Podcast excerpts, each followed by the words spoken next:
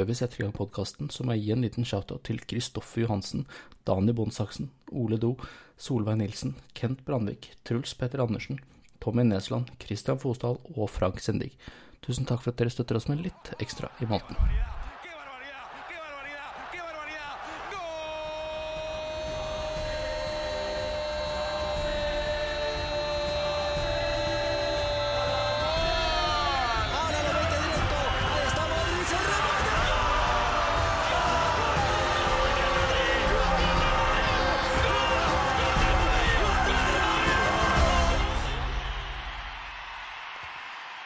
Velkommen til en ny episode av La Vista Madridista.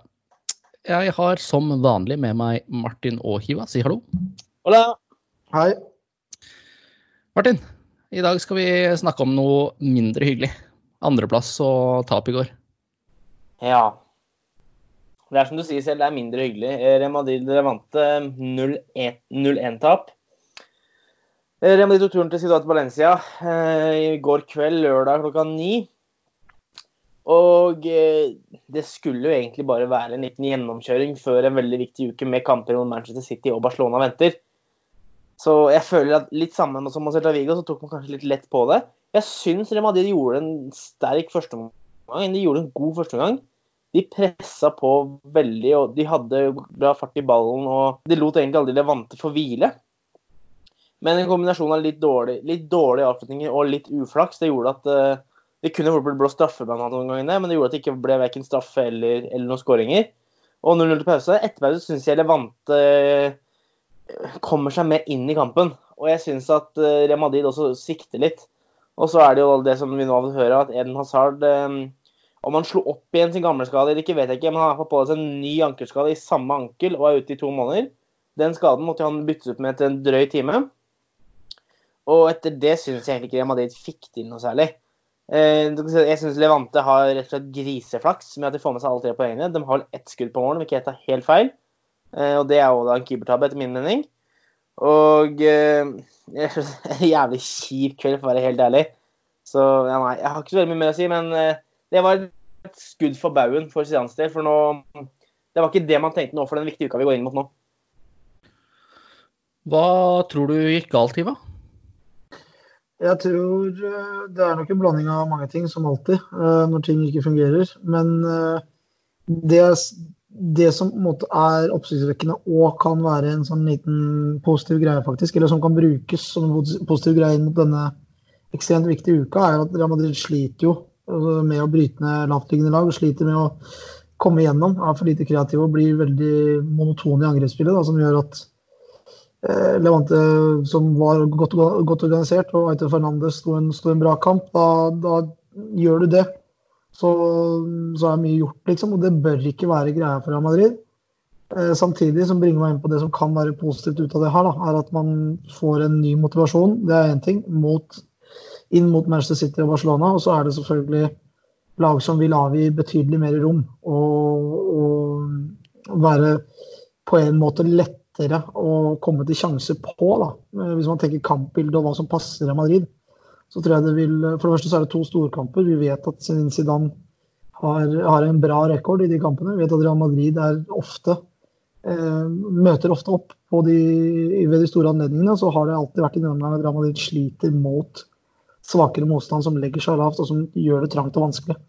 Eh, så i går tror jeg det er for det første en enorm innsats som legges ned av hele vantelaget, som vinner eh, kampen sin. Og det er liksom ikke Ja, de målet som går inn er til Courtois sitt, mener jeg også, sånn isolert sett. Men det er ikke mye annet som foregår der ute, og det er selvfølgelig kjipt. Og det er litt sånn tilbake til gamle trakter, føler jeg, hvor det er veldig mange som gjør veldig mye av det samme. Modric og Cross eh, skal begge være dype. Isco, Benzema, Hazard skal alle sammen angripe boksen fra venstre i banen. og da ja, det blir litt lett og omstendelig. og Jeg tror Levante fant greit ut av det. og Selv om de er et, selv om de er mot underdogen i går da, og må uh, ha litt hell med seg, så syns jeg på en måte ikke det var sånn kjempefortjent heller. Og det plager meg litt. For det, det skal være en kamp som, som utgangspunktet Real Madrid skal vinne. Og så kan man jo alltid se tilbake på Celta Vigo-kampen også. Disse, disse bortekampene det er en del tøffe arenaer og lag som gjør det vanskelig. Men hjemmekampene tror jeg, hvis, hvis, det skulle gå åt skogen, som de sier i Sverige, så tror jeg det er de kampene der mot Celta Vigo, Betis, uh, Valladolid som, som, kommer til å stå igjen med sånn virkelig ripe i lakken der. For det, det er hjemmekamper som Real Madrid bør vinne. Du nevner uh, Celta Vigo-kampen uh, i, i, analysen der. og jeg lurer litt på Nå, nå var jo Real Madrid helt fantastiske før jul, bortsett fra noen bananskall her og der. Eh, men etter nyttår så skjedde det noe. Hva var det som gikk galt da, Hiva?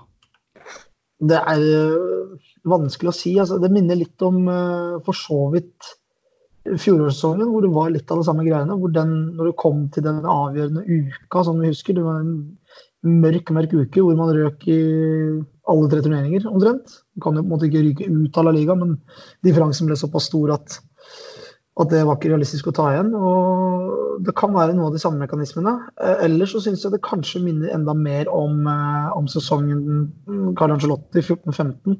Hvor Madrid hadde vel en, noen og tjue kamper på rad med, med seire. Og så var det en treningskamp mot AC Milan vel i, i romjula der. Og så røker man på et par uh, stygge smeller på nyåret. Og det kan uh, Eh, det er utrolig vanskelig å si hva som har gått gærent, fordi den defensive, den defensive soliditeten som vi har snakka om, den er jo der for så vidt. Altså, det er ikke, Levante har jo ikke mye uh, i går. Ei heller har Celta Vigo det i forrige kamp, men uh, det, det, er på det offensive det skorter. og det er liksom den Istedenfor at den kampen ligger og vipper på 0-0, og så greier Real Madrid å få den skåringen, så fikk Levante den i går. Og man greier ikke i like stor grad å trygge inn de ledelsene, sånn som mot Celta hvor et øyeblikks magi gjør at det blir 2-2 eh, isteden. Det, det henger sammen med mange ting, men sjansesløsing er fortsatt der. Det er fortsatt sjanser som blir brent, altfor store av dem. Og et lag som Real Madrid, med alle disse spillerne og kvaliteten de har, bør rett og slett sette flere sjanser. Ja, det er ikke alltid sprudlende offensivt. Ja, det er eh, noen ganger for få sjanser som blir skapt, men likevel så bør, selv om kvaliteten på de ikke er gratis tap-ins og åpent mål, så så har vi lov til å forvente mer av eh, Real Madrids angrepsspillere, først og fremst. Men også midtbanespillerne som, som kan komme i situasjoner. Du har Casemiro sin heading i går som på en måte er eh, altså Hadde den gått inn, så hadde det vært en helt annen dynamikk i kampen. Det er de små detaljene. Så hvis man kan si én ting, så er det kanskje sånn at Real Madrid tillater disse små detaljene i altfor stor grad mot svakere motstand. Og at de skal bety noe. Det bør være klasseforskjell i de typer kampene. men igjen, det er veldig sammensatt og mye, mye sikkert mentalt også.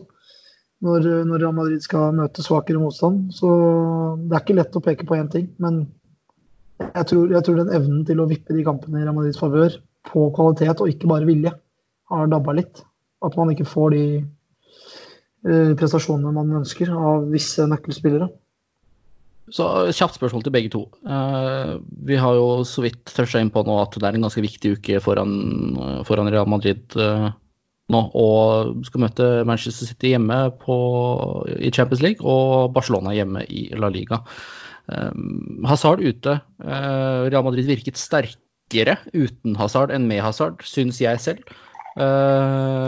Sjansen for seier i disse to kampene, prosentvis?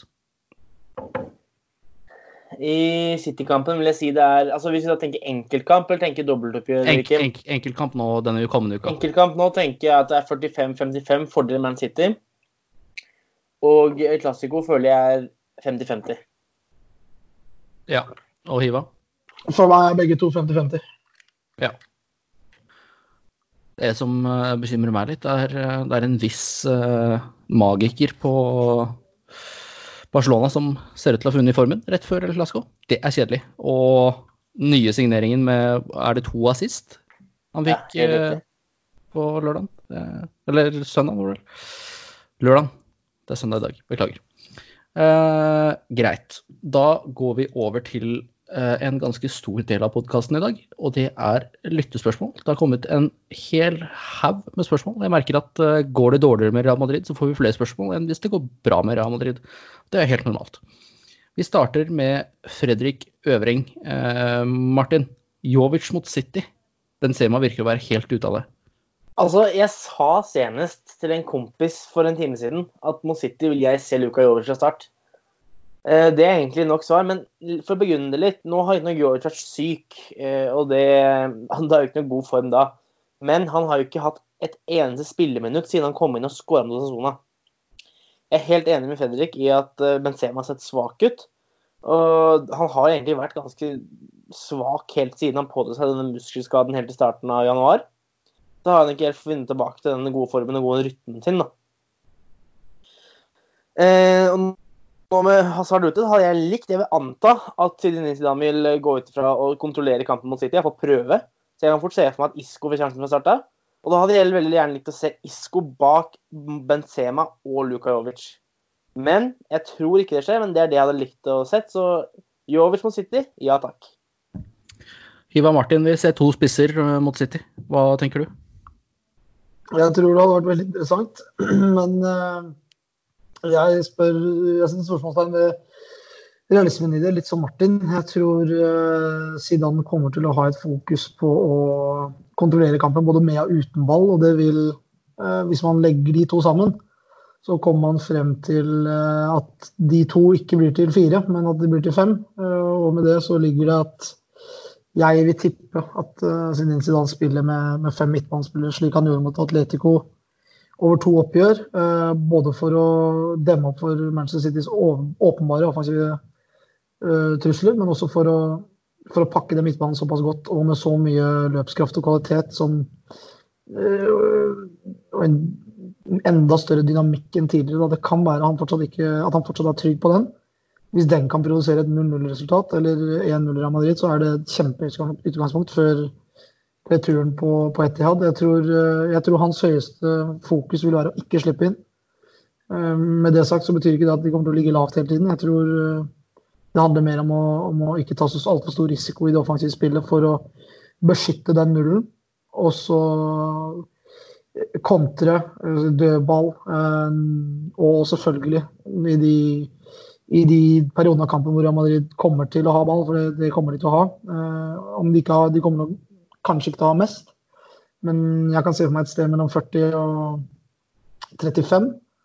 Og det er nok possession i bruddstykker til å kunne, til å kunne skape muligheter ut av etablert spill òg. Men jeg tror hovedfokuset som sagt blir på, på å demme opp for City, kontrollere kampen og, og holde nullen. Eh, vi toucha innpå veldig mye forrige sesong eh, angående dette emnet her. Eh, og vi har fått opp spørsmål om det nå fra Ariel Alberto Espinosa Marin. Eh, mette spillere, Hiva? Ja, det, det, er jo en fare når man gjør det godt, og når, man, når det er en del spillere som har vært med en stund og levert på et høyt nivå.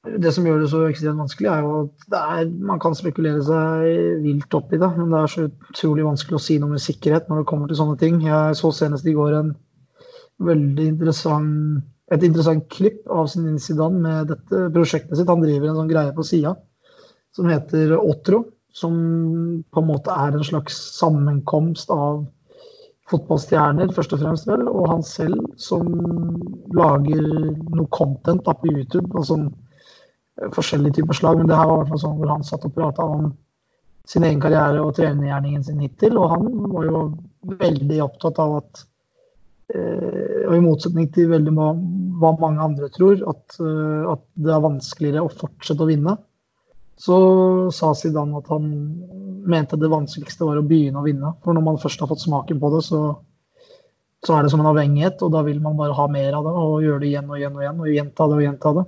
Så det, det var hans uh, synspunkt.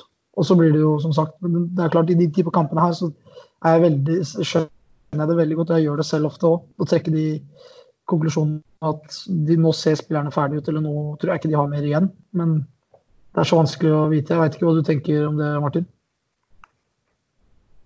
Nei, altså, det er som Kim sa, vi snakka veldig om det forrige sesong. Og jeg føler ikke at det her egentlig er et tema denne sesongen her. fordi nå skal man ikke ta alt spillere sier for god fisk i diverse pressekonferanser, pressetreff og lignende.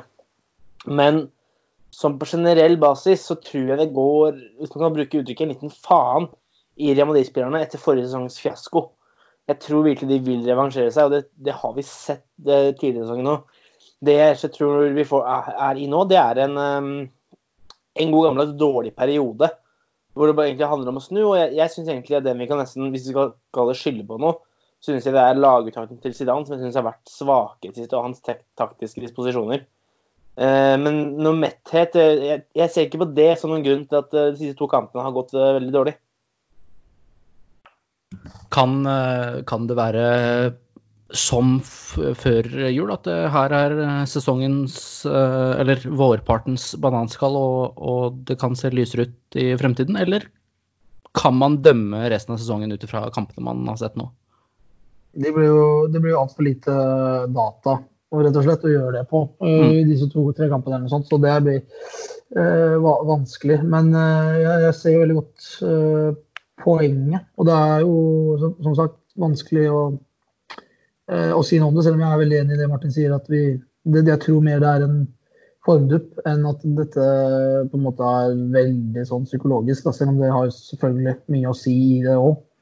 Jeg tror eh, men, men, for å se på det på en litt annen måte, så tror jeg det var jo mange av de typer kampene her også på høsten, syns jeg, eh, lignende. Bare da at da greide man å få de marginene på sin side av, eh, på et eller annet vis, eller på hvilket som helst vis. Og da når de marginene er så små da, og de detaljene blir så små som sagt tidligere, så tror jeg det er mindre som skal til da, for at det skal bikke andre veien. Det er på en måte Real Madrid sin jobb å demonstrere hvor gode de faktisk er, og gjøre mye ut av det. Og det kan ofte bety at man må ha en tomålsledelse.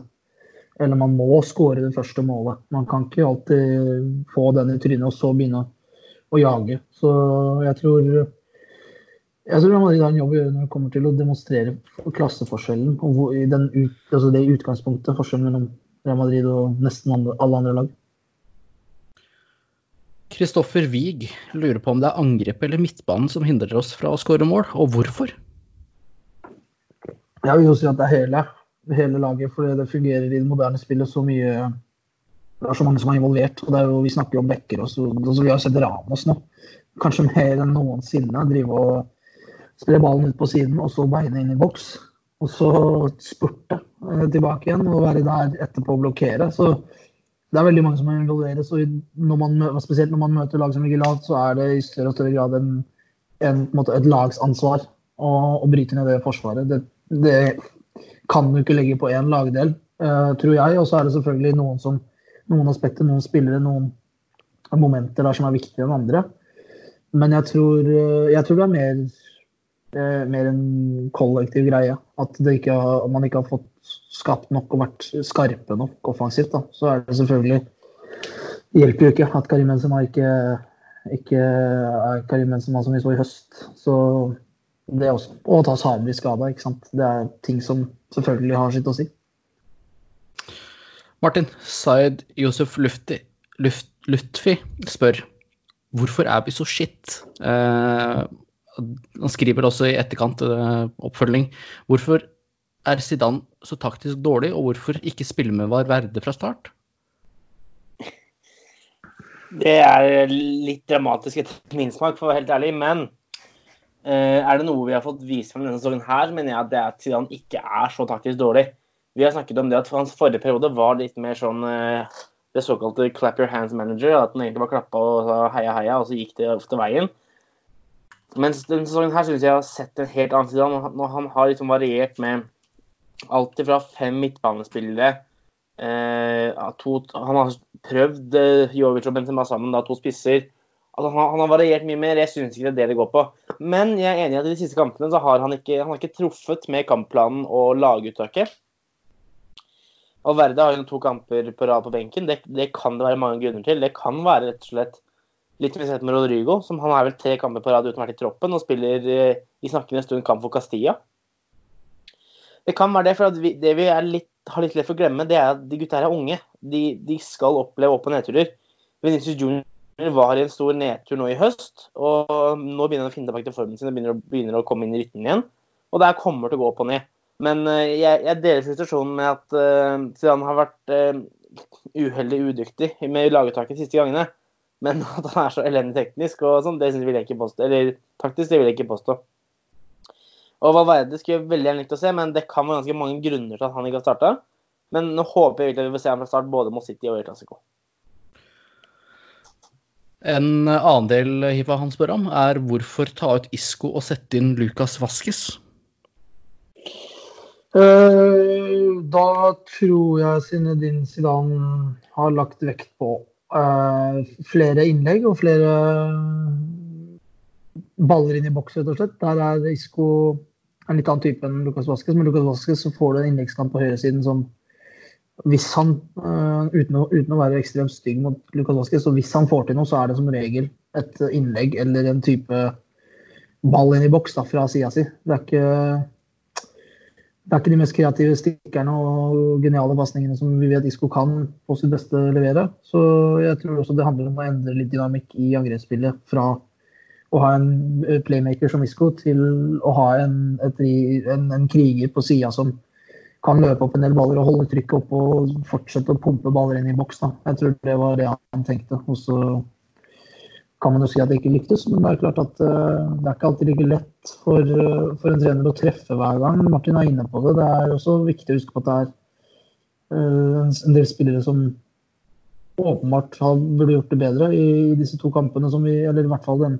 Nå kan vi holde oss til Levante, kanskje. Men det er klart var, de var ikke på sitt toppnivå, de heller. Og det er på en måte ikke ting han kan gjøre veldig mye med. Selvfølgelig han har Jobben hans er å få det beste ut av dem, men til summa summarum så er det spillerne selv som er nødt til å løpe de meterne og slå de pasningene. Han kan dessverre ikke gå inn og gjøre jobben selv. Så ja, det er eh, Jeg tror det var for å få flere baller inn i boks. Helt enkelt.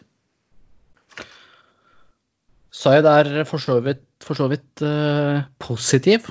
Selv uh, negativ, uh, negativ aroma rundt spørsmålene, kan man si. at han, og det helt på sitt rette at eh, man er negativ etter eh, en så forferdelig opplevelse som i går, og miste tabelledelsen. Men han skriver vi vinner mot City 2-1, og vi vinner 3-2 mot Barca. Så vi får håpe Zaid har rett. Frank Weber spør Eller han skriver først, først ufattelig dårlig å ikke få ballen i mål én en eneste gang i løpet av 94 minutter. Det har vi toucha inn på at uh, det er vi enig i. Men hva i alle dager driver Courtois med, Hiva, du som er uh, tidligere keeper? Er det, uh, før, før, du går inn på det, tenker eller ser jeg feil når det ser ut som han trekker armene ned igjen idet ballen går i mål? Det ser veldig sånn ut for meg også. Og jeg tror alle som har stått i mål eller som står i mål, har vært borti lignende opplevelser. Forhåpentligvis har det ikke skjedd i kamp, men jeg tror mange har vært borti det på Løkka på trening. Jeg har i hvert fall gjort det, og det er ikke en god følelse. Og liksom, eh, Som det ser ut til. da, eh, Å være sikker på at ballen skal gå i tverrliggeren eller over, og så trekker du eh, hendene dine eller lar være å gå etter ballen. og det for meg så ser det litt sånn ut. Jeg, tror han blir overraska av skuddet til uh, Morales. Il, command, Commandante, kapteinen til Levante, som han så kjært kalles. Han banker til og får et bra treff, men for en keeper som så tror jeg det er et mål han, han, ser tilbake på og tenker at han eh, burde tatt det. Og så er det sikkert vurderinger som går i hodet hans òg. Jeg er enig at det ser ut som han trekker seg litt. Og øh, velger å stole på at den skal gå for høyt, men den er jo klink i nettaket. Så det burde Han burde nok tatt den, ja. Og så ja. Det er også med hans rekkevidde, så, så skal ikke det være noe problem heller. Så det var en skuffende skåring som gikk inn, men tross alt så har han stått veldig bra denne sesongen. Og et sånt mål kan, kan komme inn i han, ja. Så det er Shit happens når du, er, når du er keeper, og du må bare børste av deg og gå videre.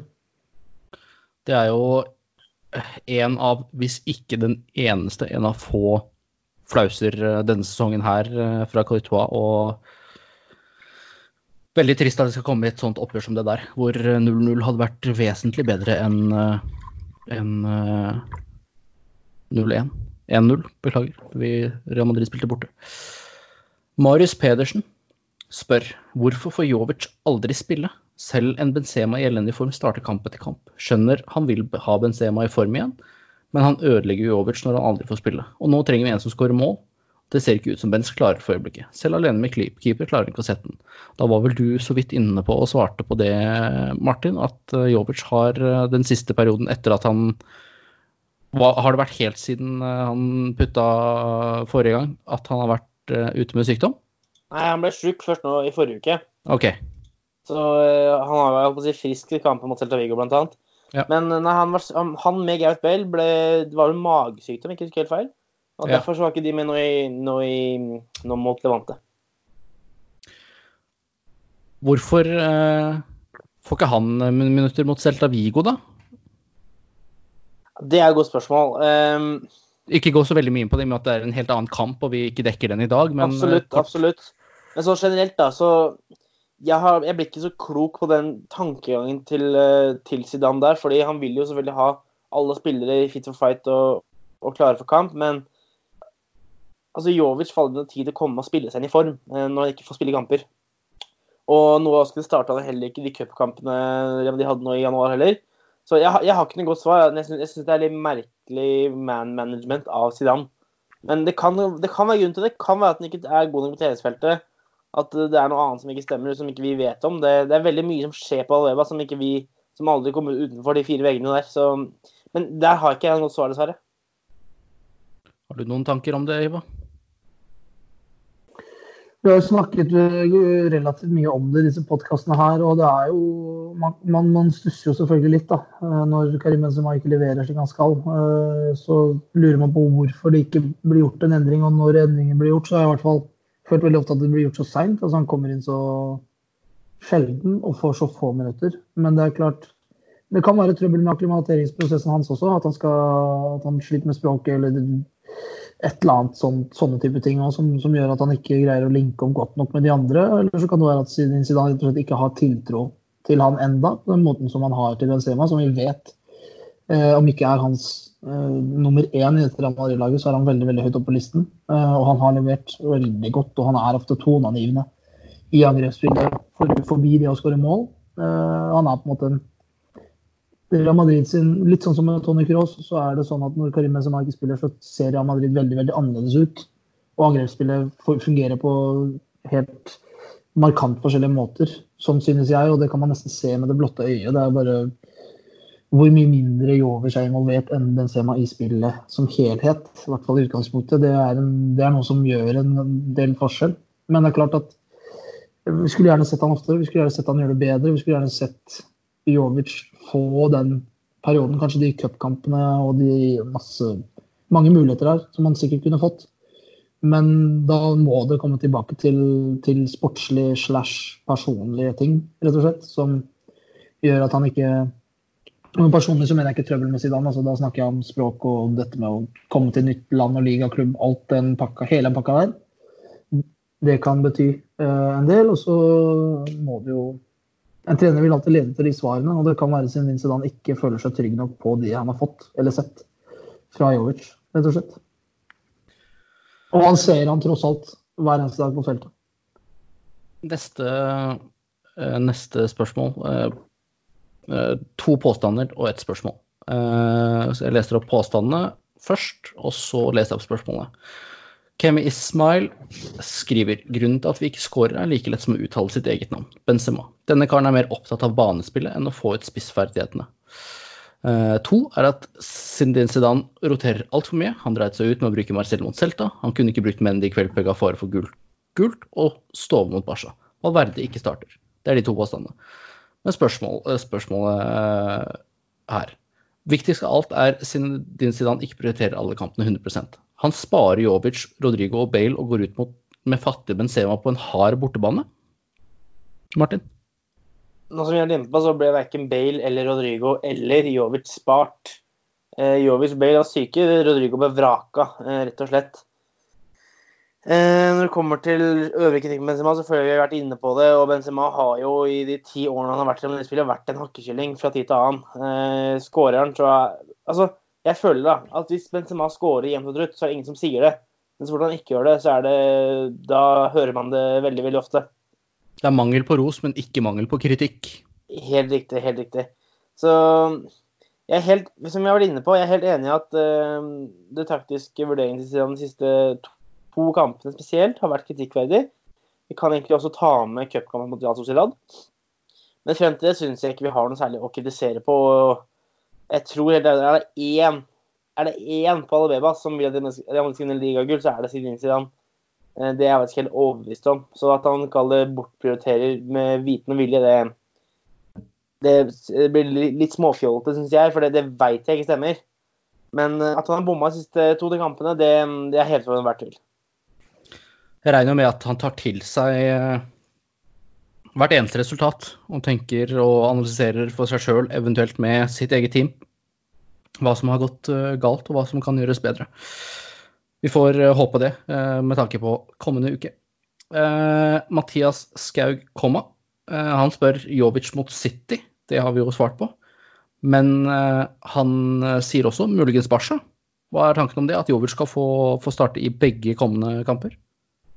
Det er jo friskt da, Mathias. Det er jo veldig, veldig friskt, vil jeg si. Det hadde vært kjempekult, og det hadde vært enda en ting som hadde gjort at vi hadde uh, stått der og sett litt ut som spørsmålstegn, tror jeg, når man tenker på man management. Altså, du får ikke, får ikke spille cupkamper mot uh, Jeg vet ikke, nå husker jeg ikke farta hvem vi møtte, men det var vel noe Salamanca. Da fikk han vel ikke spille noe særlig, og, men vi hiver deg inn i Klassiko. Det hadde vært veldig plott i hvert fall. Men jeg tror ikke, jeg tror, jeg tror ikke Barcelona selv kommer heller, så det kan være eh, noe han kan finne på. Det er vanskelig å, vanskelig å si. Men at han fortjener en mulighet sånn i utgangspunktet basert, basert, på mer på Benzemas form per dags dato enn hans egen. Det tror jeg man kan, man kan i hvert fall skjønne og argumentere for. Og så, så er spørsmålet om man har tillit nok til han at han skal starte, og om Benzema da eventuelt skal være en innbytter, som hadde vært veldig, veldig interessant å se. Uh, han kommer fra benken, noe jeg har uh, jeg har vanskelig for å huske tilbake til sist det skjedde i en kamp av den størrelsen det er. Eller de størrelsene som, som det er. Men det er jo kort tid mellom kampene. og Plutselig så, så, blir han hivd inn i en av dem. Og, og, det kan gå begge veier, det. Uh, han spør også om man burde gi Edi Militao flere sjanser. Hva tenker du, Martin? Hvordan Altså ja, men nei. Eh, jeg føler ikke at det er noe å utsette på forsvaret denne sesongen her. og altså Jamalid har, er vel kanskje ikke noe etter det håndelsesvis tapet vi har gjort mot Celtavigo og Levante, men jeg er blant de beste lagene i Europa defensivt. Og det mener jeg helt ærlig er eh, Det er stor, eh, stor takket være Casemiro og Ferran Mendy, ja. Men det snakkes for lite om hvor gode Sergio Ramos, og spesielt Rafael Varan, har vært. Det, altså, skulle man benka eh, Ramos, så det, det, går ikke. Selv om jeg, jeg, kan se poenget til de som vil det, tanke på defensiv soliditet, det kan jeg forstå. Men en spiller av Sergio Ramos størrelse, det med å sette kapteinen på benken og tidligere treneren sin det kommer ikke til å skje. Ferdig snakka. Og det samme gjelder egentlig Rafael Varan. Og Rafael Varan er det ingen grunn til å sette på benken.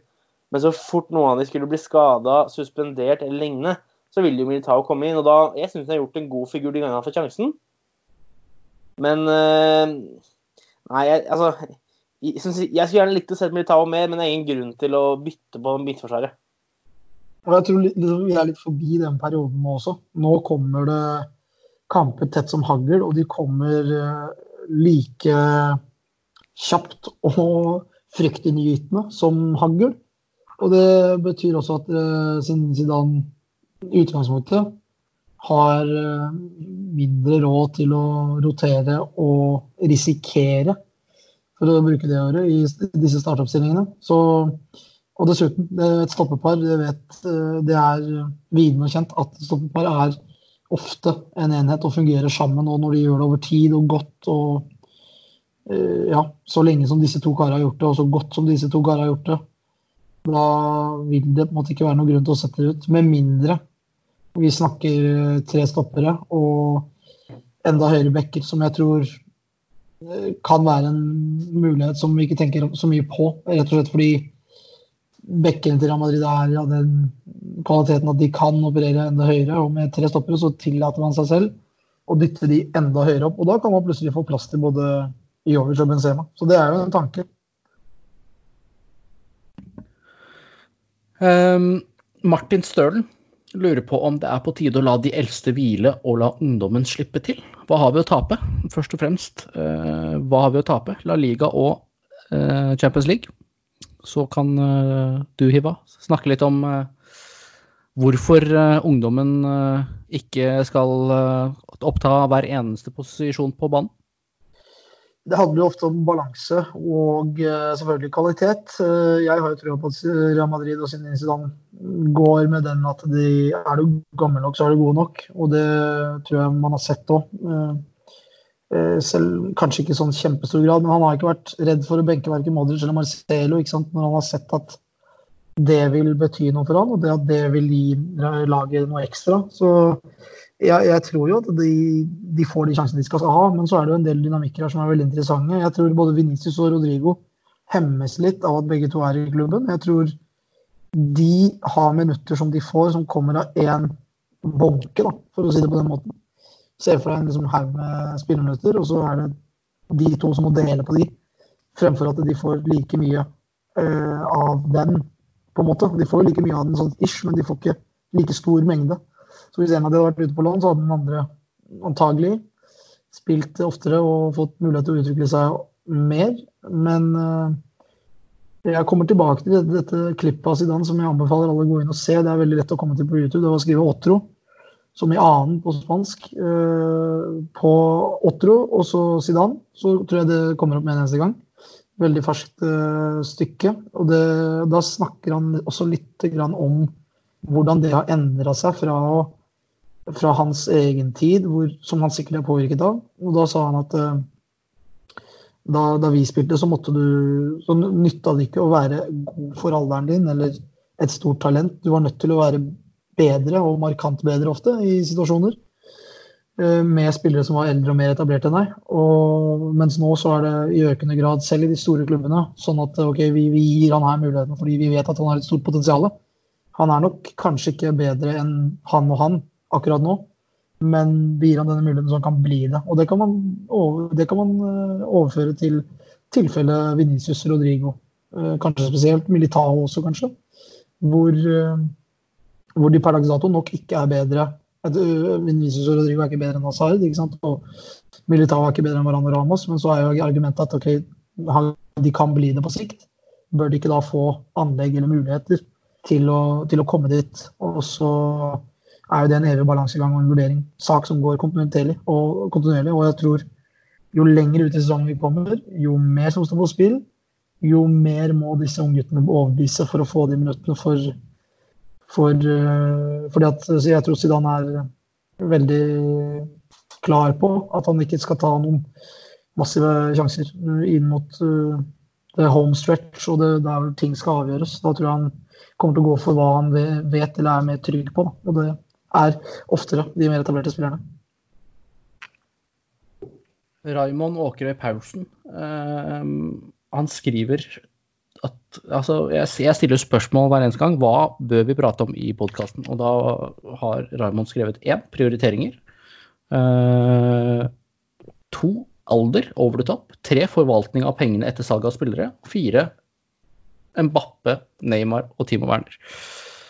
Uh, jeg føler at det er uh, prioriteringer. Altså jeg eh, føler vi har vært ganske godt inne på det her nå, at eh, bl.a. når det har blitt kommentert at eh, Zidane ikke prioriterer alle kampene likt som 100% så er vi jo helt uenige i den påstanden. Alder over the top var vi nettopp inne på. Forvaltning av pengene etter salg av spillere er ikke noe som egner seg å ta opp denne podkasten. Det ville i så fall vært rundt en, et salg et overgangsspesial eller noe lignende. Eh, og heller ikke eventuelle overganger til sommeren som Mbappe, Neymar, Timo Werner. Eh, kan jeg bare skyte inn noe på Selvfølgelig. dette med, dette med prioriteringer som vi fikk vel av Chem Ismail, som skrev det spørsmålet.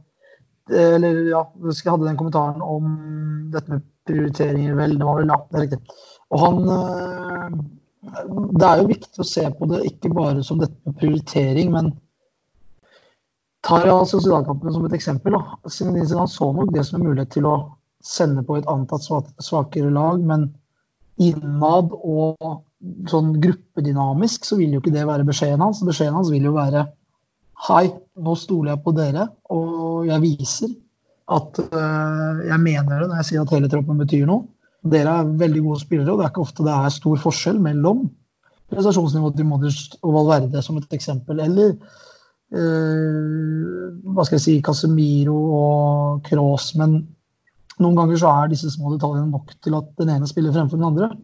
Men her får dere denne muligheten. Og når det ikke fungerer, så er det alltid denne greia med at ok, men vet du hva, Zidane tok lett på det her. Men for meg så tror jeg fra en treners side at det absolutt ikke er det, men det er mer at du, du, tar en sjanse ved å la disse få muligheten. Og da er det viktig å passe på at det er, det er alltid en balanse mellom dette med at det prioriteres bort eller prioriteres, kontra dette med at man prøver å involvere flere og gi på, på sett og vis vi uttrykke tillit da, og, og, tro til spillerne som for, for, for så vidt jobber ræva av seg. Eller vi håper jo og antar at de gjør det på treningsfeltet. Og de også fortjener noe. Så det er en, det er en ekstremt uh, tynn linje mellom de to tingene der. Og det er litt viktig å huske på i, når man tenker over det og ser på det og osv. Så, videre. så jeg vil bare ha det sagt. Da, at det er, det er ikke nødvendigvis bortprioritering, mer enn at det er et, et, et uttrykk for tillit da, til, til en, spiller, en, gruppe spillere. Mm. Endre Torgersen uh, skriver Han har skal vi se, tre spørsmål, ser det ut som. Uh, nei, to spørsmål uh, og en kommentar i forkant av de to spørsmålene. Så jeg leser kommentaren først, og så tar vi spørsmålene. Nok en gang viser det seg at høyresiden, eller mangelen på dette, er en av Reals akilleshæler i det offensive spillet. I stedet spiller vi med fire midtbanespillere og en venstrekant hvor alt angrepsspillet uh, foregår. Dette med unntak av de få gangene Carvahal blir med opp. Ønsker ikke å ta fra Isko noe, som tross alt leverte en god kamp igjen. To spørsmål. Er Modric ferdig nå? I mine øyne virker Valverde god nok til å overta etter kroaten, og spesielt når vi har Isco som joker. Synes Modric, Modric forsvant i dag, ettersom Isco gjorde en bedre figur i de samme områdene som Modric trives i. Martin? Eh, godt spørsmål. Eh, I Modric angår, angår ferdig, altså Det kommer litt an på hvilke øyne man ser med, alt på å si.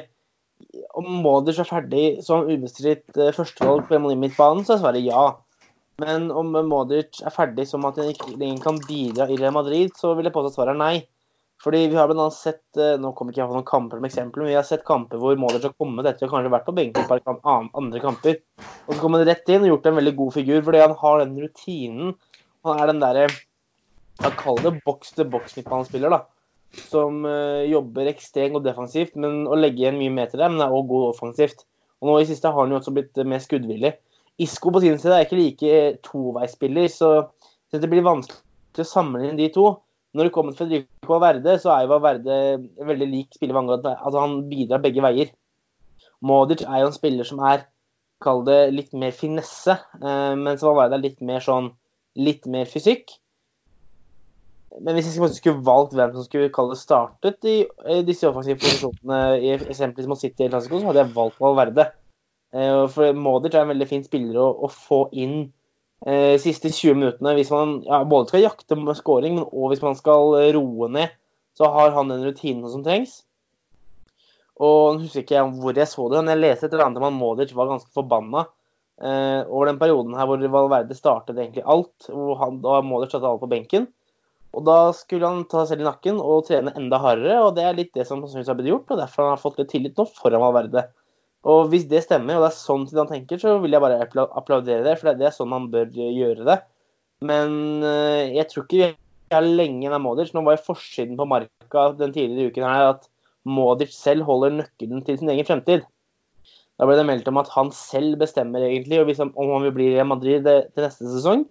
Hvis han vil det, så er jo det da litt mer usikkert hva angår om man skal hente tilbake f.eks. Martin Ødegaard, eller om man skal hente en ny midtbanespiller. Eh, men det er ikke noe som kan bestemme selv, og det han var liksom i tenkeboksen der nå, da. Eh, han begynner å bli godt voksen, så han går jo mot slutten. Men eh, for å ta svaret kort, Modric er nok ferdig som førstevalg på, på, på, midtbanen. Og jeg tror Zidane velger litt mer spillere ut ifra kampklima og og fra kamp til kamp. Uh, spørsmål nummer to. Og er dette er det dette som potensielt feller oss mot City? Halvhjertede målsjanser fra vår side, kombinert med Kavahal som iblant etterlater for mye rom bak seg, fordi han praktisk talt er tildelt eneansvar for høyresiden? Iva? Ja, nå jeg, eh, begynte jeg vel denne, eller nesten begynte podkasten med å si at jeg tror Real Madrid kommer til å være, virke hvassere offensivt mot både Manchester City og Barcelona. Rett og slett fordi at de tar mer risiko i angrepsspillet sitt, noe som igjen vil i utgangspunktet åpne opp mer for Real Madrid. Så jeg tror jo at eh, Jeg har jo veldig trua på det. Og for meg så er det på en måte en greie som man har sett veldig lenge av Madrid, at i de store kampene så bor det noe i dem sånn mentalt, men også, men også rent taktisk og fotballmessig. At uh, det er noe helt annet å bryte ned Levante. Jeg sier ikke at noe er verre enn det andre. Og åpenbart så er jo Manchester City og Barcelona tøffere kamper enn Levante på Ciutat uh, Valencia. Men for Real Madrid sin del så, så kler det dem bedre å spille i storkamper og levere i de. og har på en måte komplette forestillinger mer enn at du må ha veldig stort fokus på etablert angrep, da, som Real Madrid ofte ender opp med å uh, gjøre mye av å slite med i de type kampene som den vi så i går. Så jeg, uh, jeg lener mot det, altså. Så jeg er veldig spent på hva Martin syns om det. Han uh, har ikke noe mening om det? Nei, jeg, jeg, jeg, jeg syns det her er et veldig vanskelig spørsmål, for å være helt ærlig. Eh, det er liksom ikke noe fasit på det. Så der har jeg ikke noen sterk mening, for å være helt ærlig. Jeg syns uh, Hiva har flere ganger dekket akkurat det ganske godt. Uh, vi får bare satse på at han har rett. Og så kan vi gå videre til Kent Brandvik sitt spørsmål. De fleste spørsmål, spørsmål der er jo påstand, det her også. vi kan jo diskutere den litt. Eh, vi har diskutert noe av det litt allerede. De fleste på 30 pluss må ut. Spesielt få ut udugelig Benzema. Ja, han er en udugelig målskårer, målskårer kom ikke her å si noe annet. Syns ikke vi trenger å kjøpe så fryktelig mange. Mbappe som inn, uh, inn som målskårer. Noe vil kanskje si at han er kantspiller og ikke en spiss, akkurat samme som Cristiano. Men det var han som bøtta inn mål for oss, så bør funke med Mbappe også, tenker jeg. Eller så har vi noen lovende spillere ute som leverer såpass at det er verdt å satse på de. Spesielt Ødegaard og Hakimi. Det eneste som, uh, som Det første jeg vil kommentere akkurat her nå, er at dette er jo eh, tanker for sommeren og neste sesong. Eh, det er ikke noe, noe sjanse for å, å, at Ødegaard eller Hakimi blir hentet inn i dag og spiller mot City og, og Barcelona. Eh, og Mbappé kommer i hvert fall ikke, i og med at et kjøp nå er helt ute av spørsmålet pga. lover og regler. Men litt kort om akkurat det. Er, det. er, det. galt, det han sier, Martin? Om det er galt eller ikke, vet jeg ikke, men det er satt veldig på spissen. Uh, jeg syns Benzema er en forholdsvis OK målskårer, det må jeg si. Men når det kommer til andre ting, altså spillere over 30 som må byttes ut, det er jeg veldig enig i. Uh, det gjelder etter hvert Karim Benzema, selv om han har en spillestil som gjør at han kan, han kan holde det gående ganske lenge. Men når du har spillere som Luka Modric, som Marcelo, om ikke så altfor lenge Sergio Ramos, eh, så begynner begynner det å bli en del spillere som etter hvert må byttes ut, og det, det er jeg som sagt helt enig i. Uh, jeg er også veldig enig at det ikke er så veldig mange ting som hentes inn. Uh, Venstrebekken, Hvis Marcelo ut, da får man en Sergio Regulon. Selger man Modric, kan man hente inn Martin Ødegaard, som er på utlån. Uh, man har en Ashraf Hakimi som gjør det strålende i Dortmund. Så Det er jeg veldig enig i. Og så er det det Mbappé, og den sammenligningen med han og Ronaldo hva angår kantspiller eller spiss, det, det, stemmer veldig godt. Selv om jeg er ganske sikker på at Mbappé selv vil spille midtspiss. Noe jeg jeg har drømmer om å se. Så nei, altså, jeg er enig, men er, påstanden er litt for spissen etter min smak. Men uh, det grove tekst er jeg ganske enig.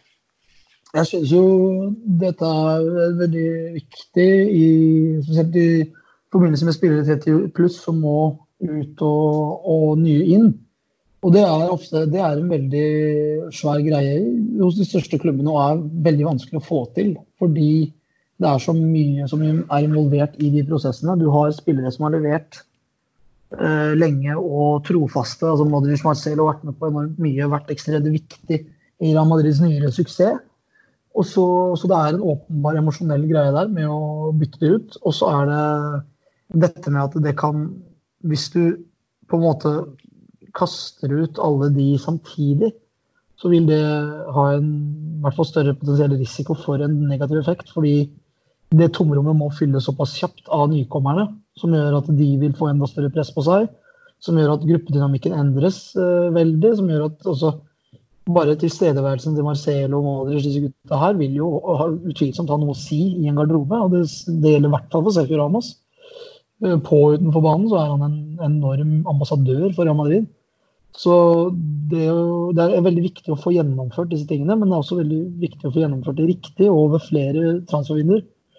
Som jeg tror eh, Det er et svært bananskall. Se på AC Milan, som Eh, ja, ikke er til å kjenne igjen etter at de gikk gjennom en sånn prosess for nå begynner det å bli en del år siden. Da, men rundt 2010-11-12 eh, så var det mange etablerte spillere som gikk ut dørene på San Siro, og så kom det mange nye inn med vekslende hell, veldig vekslende hell, og klubben har ikke sett ut siden. Så jeg vil ikke si at det er en veldig stor risiko i Real Madrids tilfelle, fordi de er såpass enorme. og har såpass mange gode unge utfordrere allerede, som, som det nevnes her, i klubben og i troppen til og med, som vil lette det. Men det vil alltid være en risiko for det. Og det er ekstremt viktig å være bevisst på at eh, store troppforandringer kan, gjøre, kan slå like mye negativt ut som positivt. Med, selv om spillerne kanskje er oppgraderingen til og med, så er det, så er det dette menneskelige aspektet med gruppedynamikk og alt, alt det der. Og tilstedeværelse og betydning for klubben over tid og de tingene der. Det er ekstremt vanskelig øvelse å ta farvel med stjerner og legender i, i klubbene. Så det er, det er, en veldig veldig stor utfordring som jeg tror Real Madrid har tenkt på en stund, og som jeg tror Real Madrid har satt i gang prosesser med. Vi vet at Real Madrid veldig, veldig, veldig sjelden må, og det er vel policy til og med blitt, det kan Martin, Martin bekrefte for meg, eller bekrefte seg avkrefte, at man ikke gir lengre nettårskontrakter til spillere over en viss alder. Det er vel in play og har vært det noen år, kan ikke det stemme? Eh, altså, jeg, eh, Om det er en offisiell policy, er litt vanskelig, men det, jeg tror det er en ganske uoffisiell en fall. For nå mm. begynner vi alltid på å si Kall det bråket rundt det her ved Ramos å blusse opp. Og ja, alt sammen rundt PP. Var, han dro fordi han ville ha flere enn ett år. Det ikke var kun villig til å gi ett år. Så jeg er ganske sikker på at det her stemmer. Og jeg leste jo nylig nå at det ble meldt om at Karim Benzema forlenget sin kontrakt. Det var kun fra 2021 til 2022. Eh, så det kan nok stemme, selv om det ikke er noe som alltid å si, blir skrevet mye om og nevnt mye i mediene. Mm. Og det, det, er på en måte type tiltak som gjøres da, for å bedre den type prosessen og lette den prosessen. Så den er eh, enorm, den eh, utfordringen der. Og den er, ligger der for alle klubber som har suksess. Siste, siste del på, på, lyttespørsmålet, det er uh, Jan Helge Solvang. Nok en påstand. Det er seks år siden, siden, siden en Galactico ble hentet. Hent en etablert spiller, i tillegg til Haaland. En re re renovasjon av laget står uansett for døren. Og jeg har lest veldig mange kommentarer om Haaland inn til Real Madrid den siste siste tiden. Ikke av eh, at noen som melder at det er et rykte, men at uh, folk ønsker han inn. Vil ikke det være, som veldig kort, vil ikke det være en, en uh, samme type kjøp som, uh, som Jovic? Jovic gjorde det helt fantastisk uh, forrige sesong og ble hentet inn til Real Madrid pga. det, og leverer dårlig. Hva tenker dere om eventuelt Haaland på den samme måten? Jeg er helt, helt enig. Og jeg er også helt sikker på at hadde Jover spilt i Dortmund, så hadde han bøtta inn med skåringer. For det er et lag som eh, passer hans spilleprofil utrolig godt, på lik måte som det gjør med Haaland. Eh, Haaland har vært eh, utenomjordisk god og imponert egentlig alle etter han kom til Dortmund i januar. Men jeg vil se det i to sesonger, to hele sesonger, se det nivået før man skal snakke om klubber som Real Madrid, selv om jeg vet at det er ikke sånn det funker. Eh, det var én sesong som var for Jovic, og det er gjerne det som er det, det, det vanlige. Men eh, jeg er litt sånn reservert. Men det er også fordi at uansett når jeg er en norsk spiller, så skal det mer til for å overbevise meg. Helt sikker på at Hadde han het uh, Erling Hollandinho og vært brasiliansk, så hadde jeg skreket på fondet til Madrid. Det er jeg ganske sikker på, faktisk. Men det er litt sånn man har på Norge-bilene, så blir jeg litt mer negativ. Og så må det jo sies at eh, det er jo, det er jo ikke seks år siden Real Madrid henta en Galactico. Det skjedde i sommer. For jeg vil klassifisere Eden Hazard som Galactico. Det er nok ikke eh, så rart at den har gått litt i glemmeboken. Fordi han har jo ikke vært veldig involvert, for å si det mildt. Vi får håpe at, eh, at kampene som kommer uh, i den tiden uh, Eden Hazard er ute, for han er vel bekreftet ute, Martin? Han er bekreftet ute. Altså, det har blitt skrevet om to måneder, men jeg har også sett folk som skriver at det nesten er sikkert at han mister resten av sesongen. Så et sted mellom to og tre måneder er han ute. Ja. La oss håpe at når han da eventuelt kommer tilbake, hvis det da gjenstår noen kamper, så er det viktige kamper hvor han får ut toppnivået sitt og leverer som han skal. angående Haaland så er jeg helt helt enig i det med, det med norskebrillene til Martin. Uh, jeg, jeg, ser veldig mange, både kompiser av meg, som altså, ikke, ikke, ikke noe snakk om Real Madrid i den forstand, men generelt Haaland, uh, som lovpriser han og, og ja, det er redningen til Norge osv. osv. Mens jeg er litt mer skeptisk med tanke på Det har skjedd ja, greit, han har levert kjempeflott denne sesongen her, men uh, når, du, når, du, ser på Norge i, i, sånn historisk sett, så er ikke det et land som hevder seg som fryktelig på, på fotballfronten. Vi er ekstremt heldige hvis Ødegaard og Haaland fortsetter å levere som de gjør. Jeg har ikke noe tvil på at Ødegaard kommer til å gjøre det, men at Haaland kommer til å, å levere over mange år, det Jeg tviler ikke på det, men det er mer jeg blir ikke overrasket om det ikke skjer, hvis dere skjønner.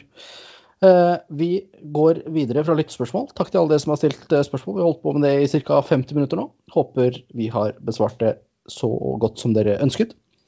Uh, det er din tur, Martin, og det er ukens fun fact.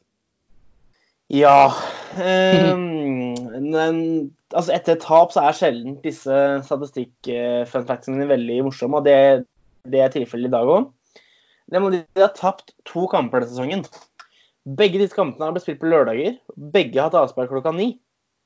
Eh, og det kan nevne det at eh, begge har blitt tapt 1-0. Og Real Madrid har òg eh, spilt svake kamper i lørdag ni. Blant annet spilte 0 mot Atletico. Det eneste jeg husker sånn her og nå. Men eh, det, altså Lørdag klokka ni, det, det, er liksom for meg så er det prima tidspunkt for fotballkamp. Du får ikke noe bedre. Men uh, for Real denne sesongen her, så er det det stikk, eh, stikk, stikk motsatte. Ja. Åssen er kampene klokka ni på søndager?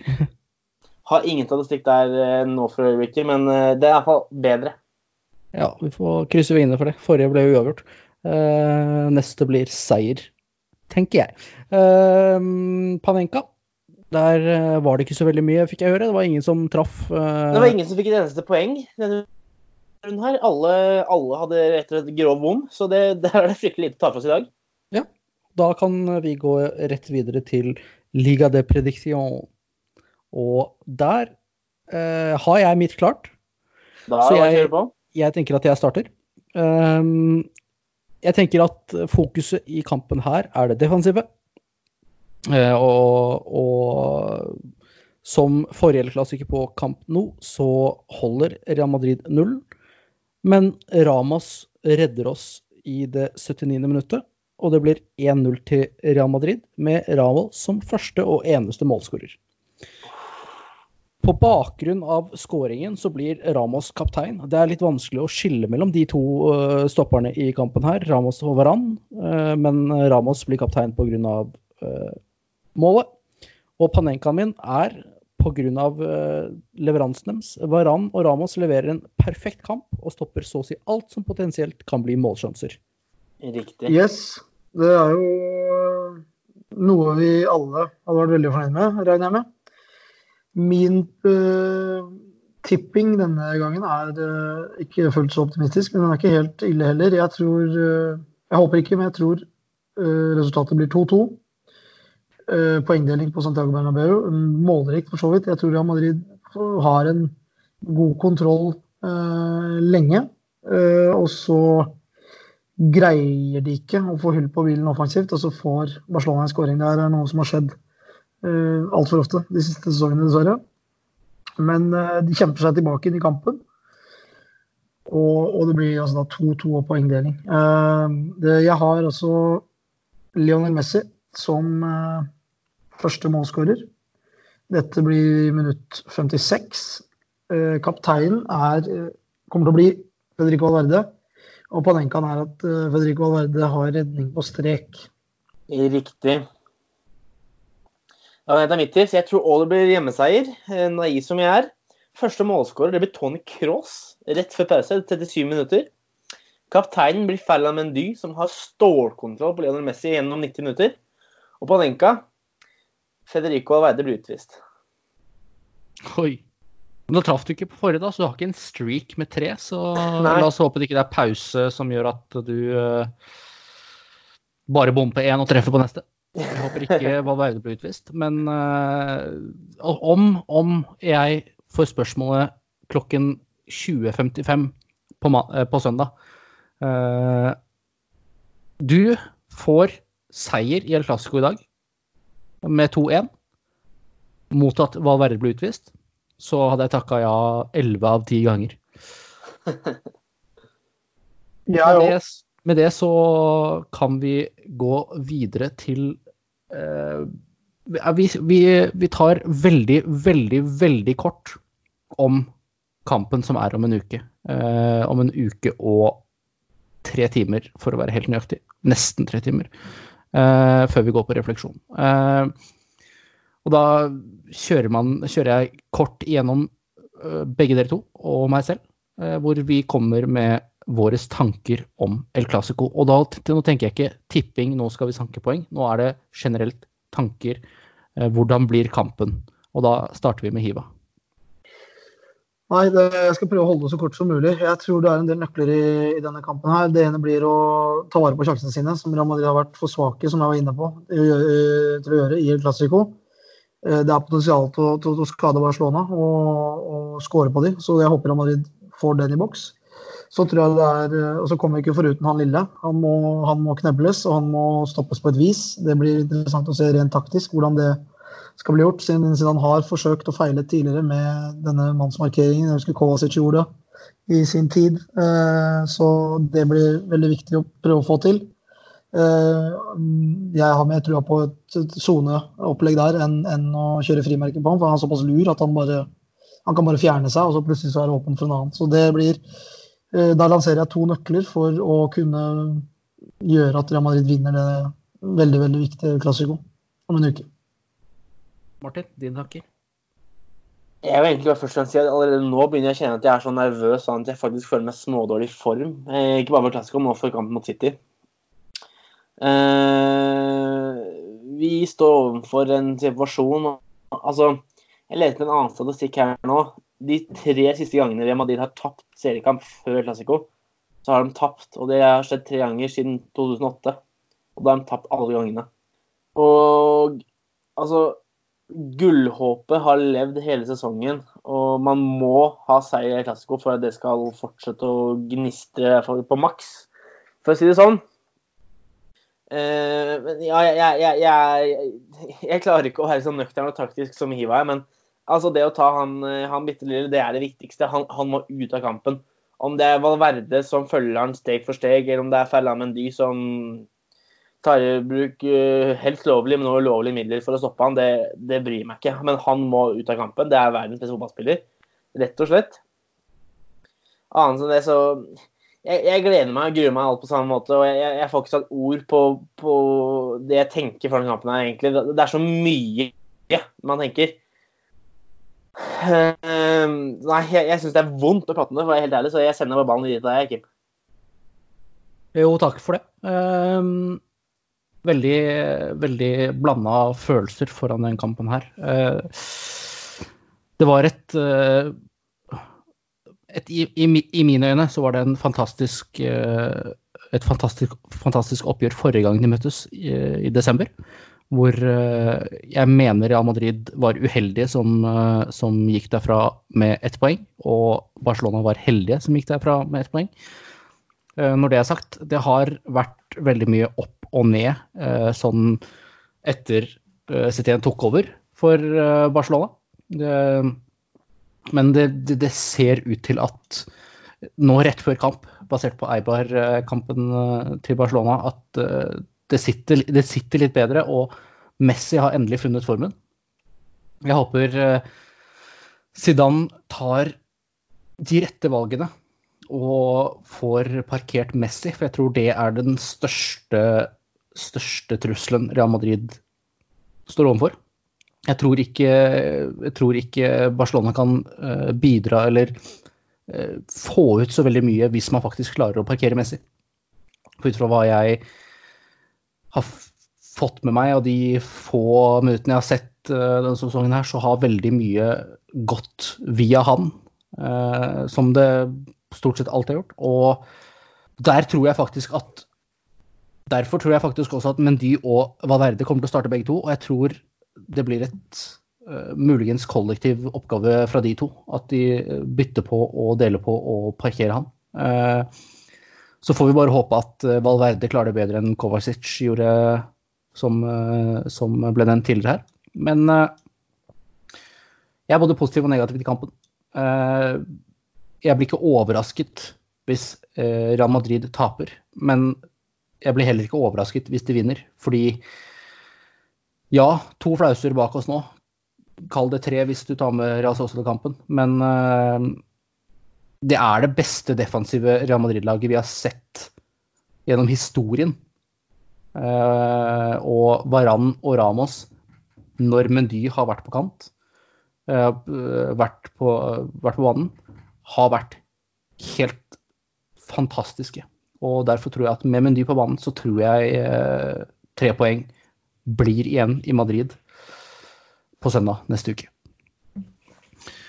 Vi går til ukens refleksjon, og da vil jeg gjerne starte. Eh, fordi jeg har sett eh, Det har vært veldig mye snakk om i lyttespørsmål denne gangen at eh, det må ut, det må inn, vi må gjøre det, vi må gjøre det, vi må gjøre det sesongen er langt fra over. Vi har ikke, altså Real Madrid har ikke tapt mot City og ryket ut av Champions League. De har ikke tapt mot Barcelona ennå. Det er viktig å, ja, tross motgang, være positive overfor resterende del av sesongen. Og ikke, ikke selge, selge trofeene helt ennå. Og bare viktig å tenke på det og, og, og ikke, ikke være for raske på avtrekkeren, rett og slett, med å, å si at alt håp er ute denne sesongen. Det, det, er to kamper av ganske mange gode som har vært dårlige. Og så kan Hiva eller Martin ta over. Jeg har lyst til å ta for meg altså På våren i fjor så spilte inn jeg en del podkaster sammen med vår kjempepresident Ruben Skjerping, som har bursdag. Gratulerer med dagen hvor temaet veldig ofte var Eden Hazard. Han var ute til Real Madrid for da en sum på rundt 100 millioner euro. Året før han da ville kunne komme gratis. Eh, og det var på en måte sommeren, 2020, eh, sommeren 2019 man kunne hente han så rimelig, fordi at han var kun et år igjen. Eh, vi prata veldig mye om det. Ruben var veldig for overgangen. Jeg sa egentlig flere ganger at jeg vil ikke hente Eden Hazard. Av flere grunner. Blant annet det med at han begynner å bli eldre. Han ville vært en ekstremt dyr spiller. og altså, Jeg skal ikke komme med en sånn lang sånn, Hva var det jeg sa? Men ironien i at Real Madrid altså henta og øh, det, satte ny klubbrekord for Henning Galactico, som ender opp med å spille kanskje 15 seriekamper, og som kunne like godt komme gratis den sommeren her, det syns jeg ja, Det er på grensen til tragikomisk, og det, det er jo bare trist. Jeg leste at eh, til nå denne sesongen her, så har Eden Hazard mistet like, eh, like mange seriekamper som han gjorde på alle sine år i Chelsea. Så det går selvfølgelig mye på uflaks, men uh, ja, egentlig, jeg bare syns det er litt trist å se jeg spesielt høre nyheten om at det nå har pådratt seg en, en, ny ankelskade. Yes, uh, da har jeg fått æren av å avslutte.